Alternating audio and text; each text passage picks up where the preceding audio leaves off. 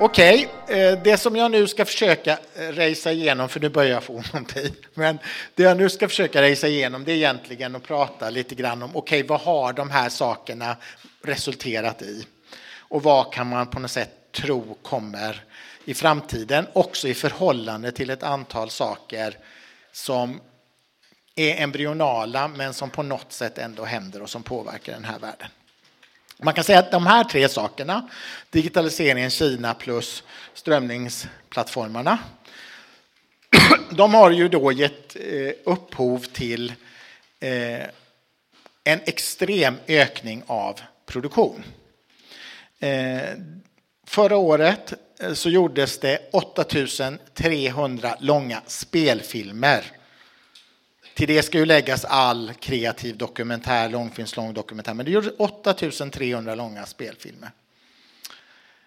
Och det är ju give and take. Någonstans, ja, man ska, man ska nog säga att det är ungefär 60 procents ökning om vi går tillbaka till år 2000.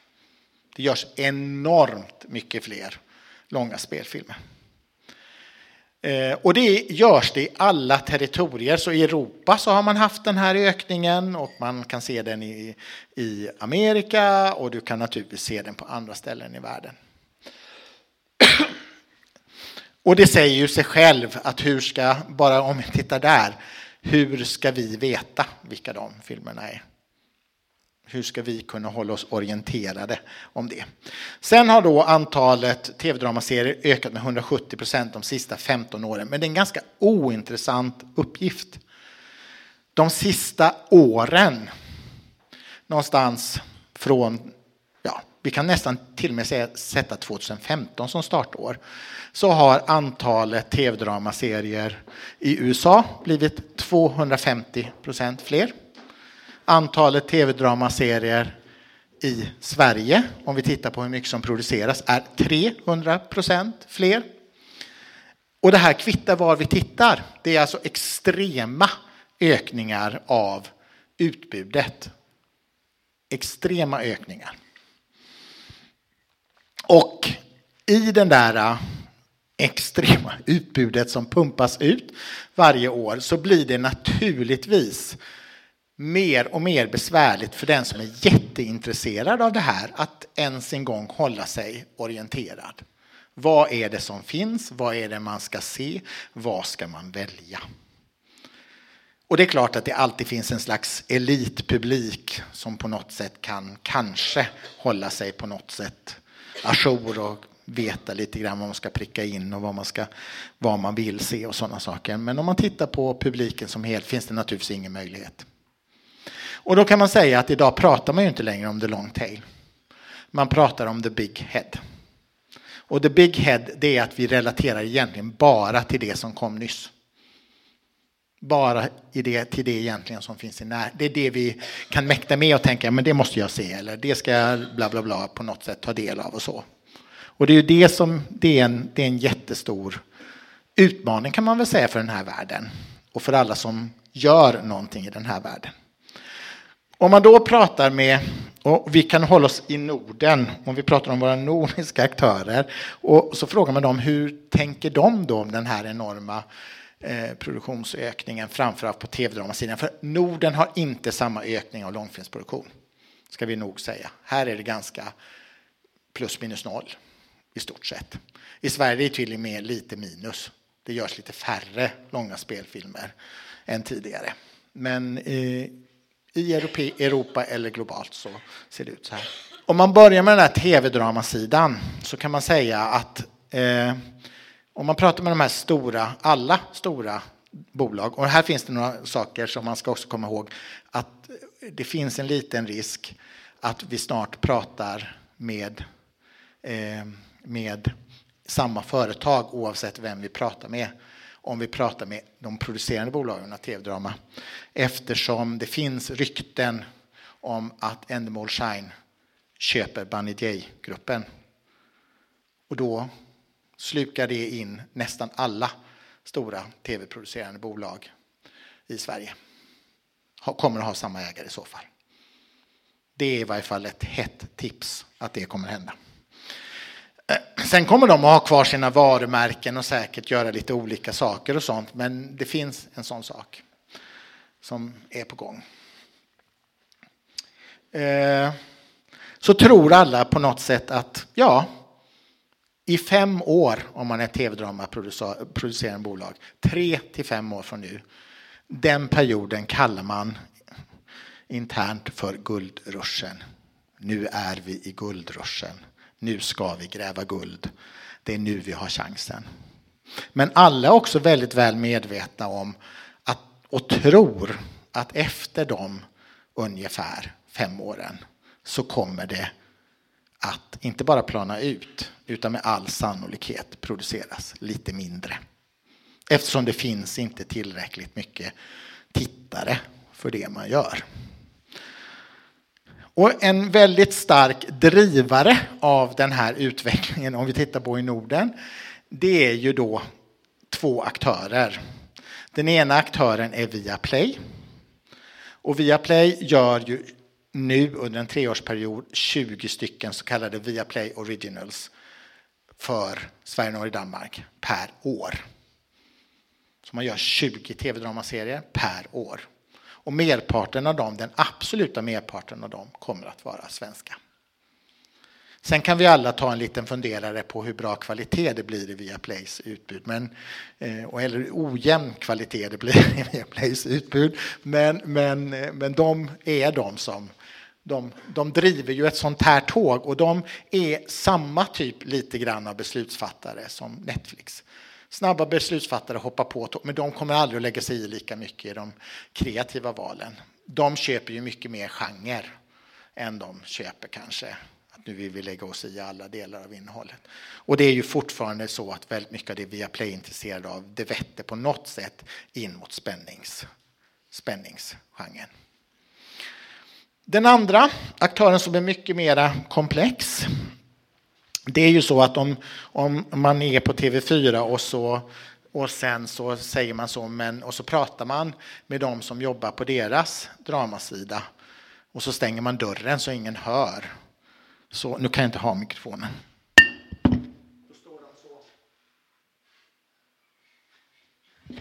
De tror att de ska bada i pengar. Eller de känner sig säkra på att de ska bada i pengar.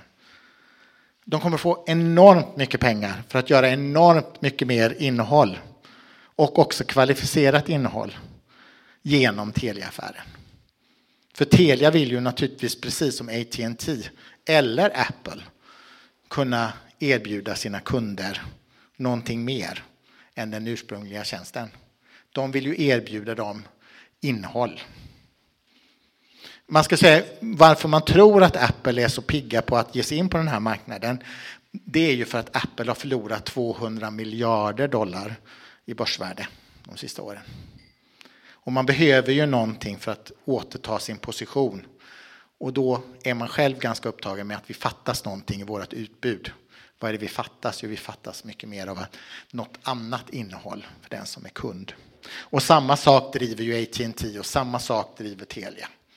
Det här är ju konkurrens på ett annat område, men där det här kan vara ett redskap. Men de tror att de och de säger, och det tror jag man ska ta med en liten nypa salt, de säger ju att de tror att merparten av tillförseln av kapital kommer att vara för att göra drama och för att vara en mycket starkare part i långfilm.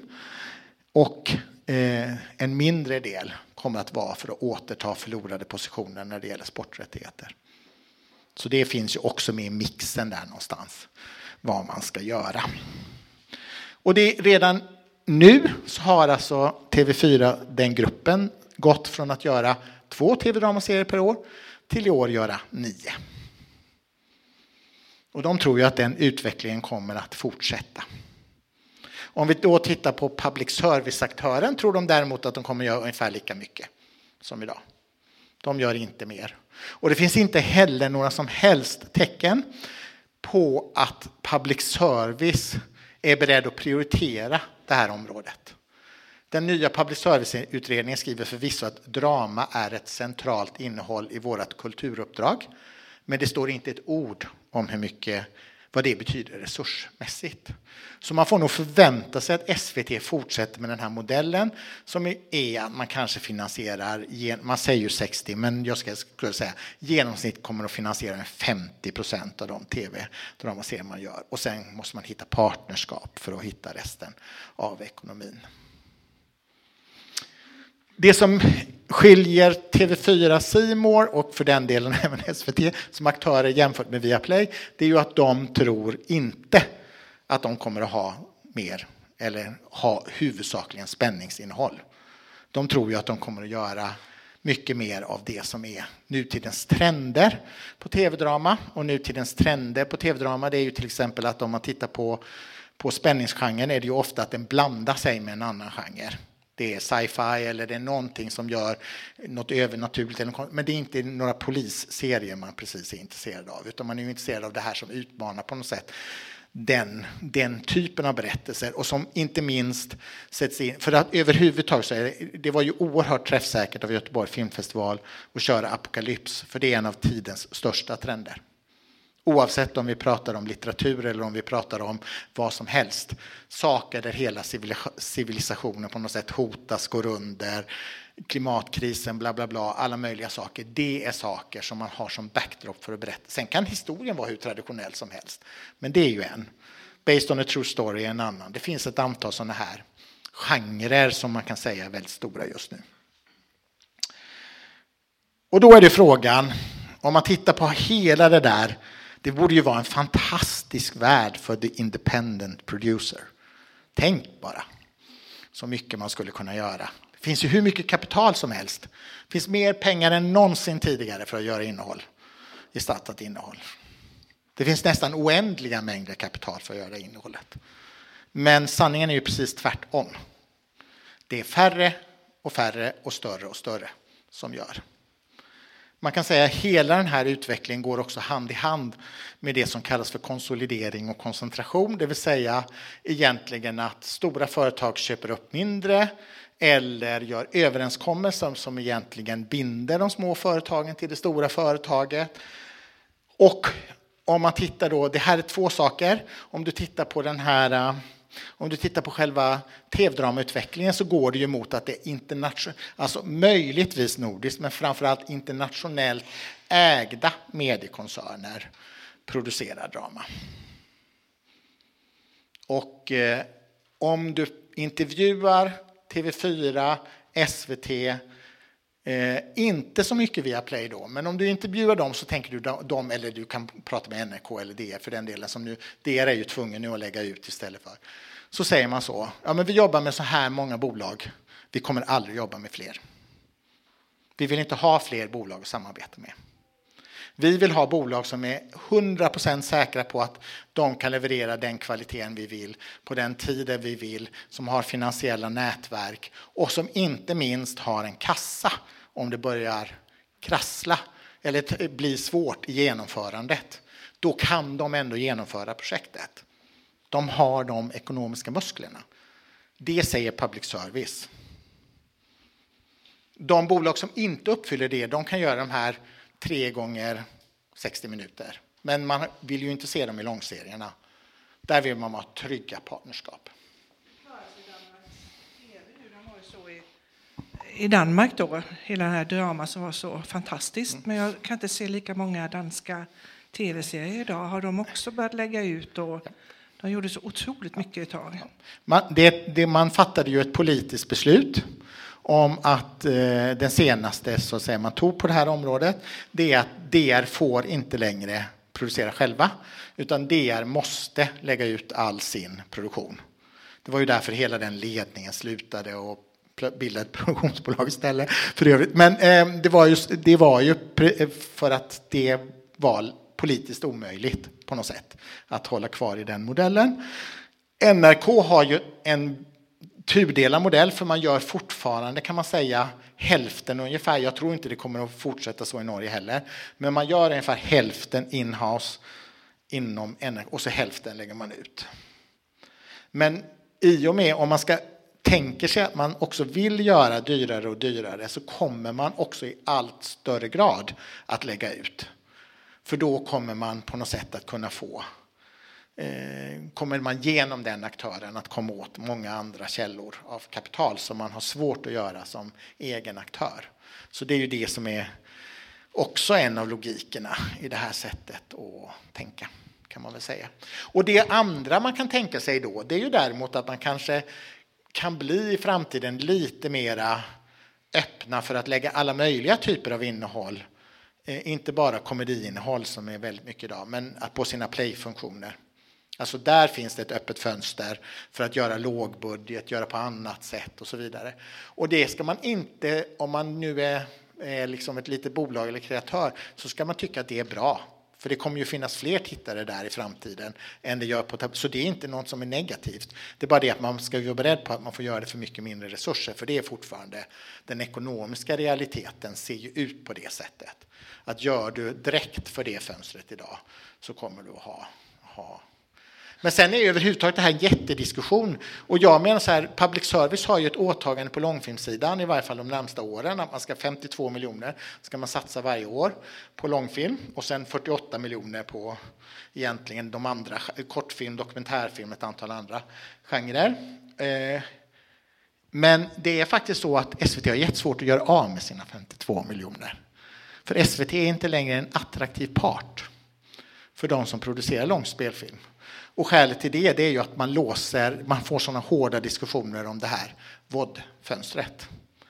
Det vill ju bolaget som producerar ha öppet. Och därför så vill man inte hamna i en diskussion om, som på något sätt begränsar det.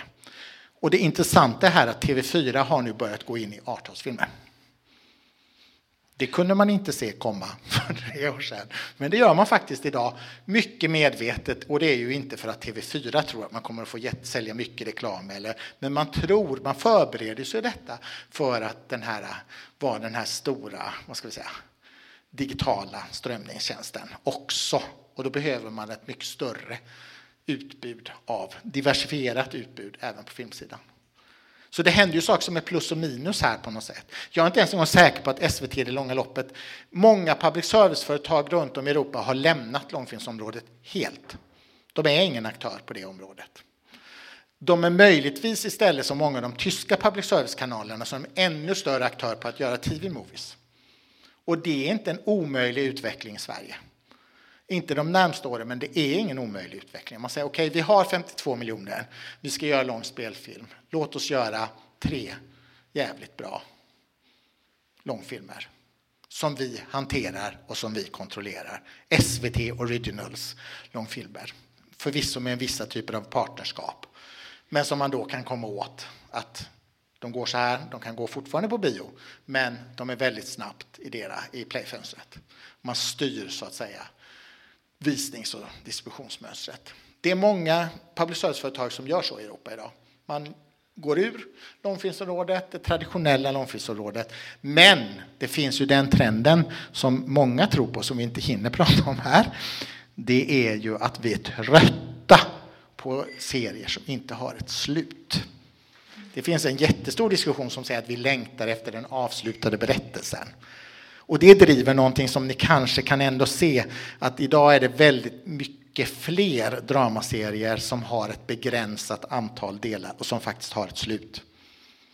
Det är ju för att man, konsumenten kommer inte orka åtta säsonger och kommer inte vilja vänta så länge. Och utbudstakten, det kommer så mycket in. Då vill man istället ha den här som tog slut. Berättelsen tog slut.